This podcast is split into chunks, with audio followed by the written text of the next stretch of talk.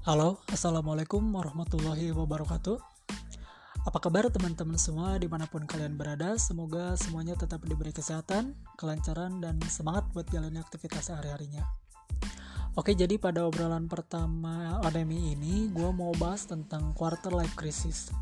Mungkin kita sudah banyak mengenal soal kondisi ini Dan mungkin ada beberapa di antara kita juga yang lagi ada di fase itu jadi menurut sudut pandang gue, quarter life crisis itu bisa dibilang rumit karena ngalamin sebuah kondisi emosional yang lagi kacau.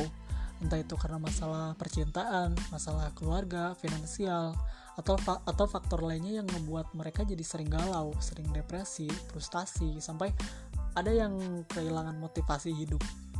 Tapi di sisi lain mereka harus tetap melanjutkan kehidupannya mereka juga punya mimpi yang harus mereka gapai karena mereka juga sebetulnya capek sama situasi ini. Mereka juga lelah dengan apa yang mereka rasain saat ini dan pastinya dari hati kecil mereka sendiri, mereka juga punya harapan bahwa mungkin suatu saat gue bisa berubah. Mungkin suatu saat ada keajaiban agar situasi ini bakal berakhir. Tapi mereka sendiri juga bingung harus gimana cara ngedepinnya. Gue yakin pasti semua orang pernah ngalamin hal kayak gini mulai dari yang masalahnya biasa aja sampai yang berat, pasti kalian semua pernah ngerasain ada di posisi ini. Dan gue juga sama.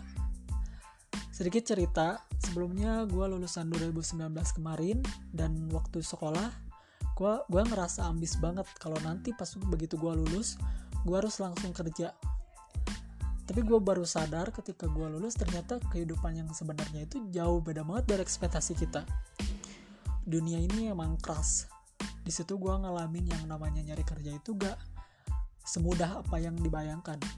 Kelamar sana ngelamar sini. Selama 8 bulan gue nganggur dan selama itu juga yang gue rasain adalah kacau. Ketika teman-teman yang lain udah dapetin kerjanya gue minder banget. Gue murung insecure banget gue di situ. Dan sampai akhirnya singkat cerita gue keterima di salah satu perusahaan provider jaringan di daerah gue walau cuma dikontrak beberapa bulan ya alhamdulillah banget di tahun 2020 kemarin gue nggak terlalu mikirin hal kayak gitu lagi. Dari gaji yang gue dapetin itu untungnya gue tabungin buat biaya daftar kuliah. Dan di tahun 2020 akhir gue masuk universitas.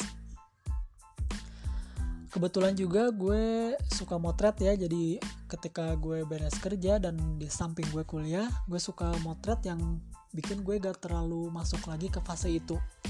Karena gue jadi punya kesibukan. Di situ gue ambil kesimpulan kalau alternatifnya biar kita gak ngerasa ada di fase itu adalah kita harus punya kesibukan. Kita harus punya hobi apa pun itu karena bagus juga. Apa yang kita lakuin apa yang kita sukain itu bisa ngebentuk personal branding kita sendiri. Lu pengen dikenal sama orang-orang itu sebagai apa gitu ya lu harus tunjukin pada dasarnya setiap orang itu butuh sebuah support, sebuah dukungan entah dari keluarga atau sahabat, teman gitu. Nah, posisi mereka itu yang sangat penting banget. Karena mereka yang bakal bisa merubah sudut pandang kita, merubah semuanya agar kita bisa ngebuka jendela mindset kita bahwa lu harus maju. Lu gak boleh kayak gini terus.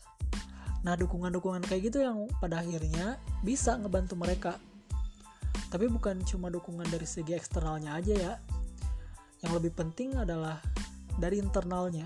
Maksudnya balik lagi ke diri kita sendiri. Dari niat dan harapan yang kuat kita harus bisa bangkit melawan situasi itu. Mungkin lo emang lama terbelenggu dalam situasi ini. Tapi ketika lo keluar dan lo lihat sekeliling lo lo itu gak sendiri. Banyak di luaran sana yang posisinya sama kayak yang lo rasain. Tapi mereka lebih punya powerful dalam menjalani kehidupannya ketika lo pengen bangkit mereka pun sama.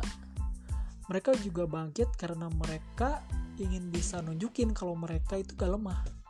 Banyak kok seniman di luaran sana yang berkarya dengan latar belakang sama kayak yang lo rasain itu karena mereka mampu buat bisa berontak dari sesuatu yang bikin mereka terbelenggu itu.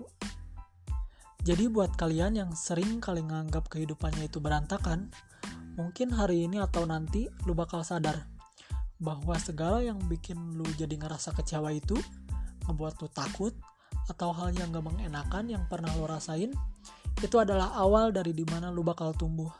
Awal yang bakal jadiin lu itu orang yang hebat orang yang paling bisa ngargain hidupnya orang yang lebih bijak dan dewasa tentunya.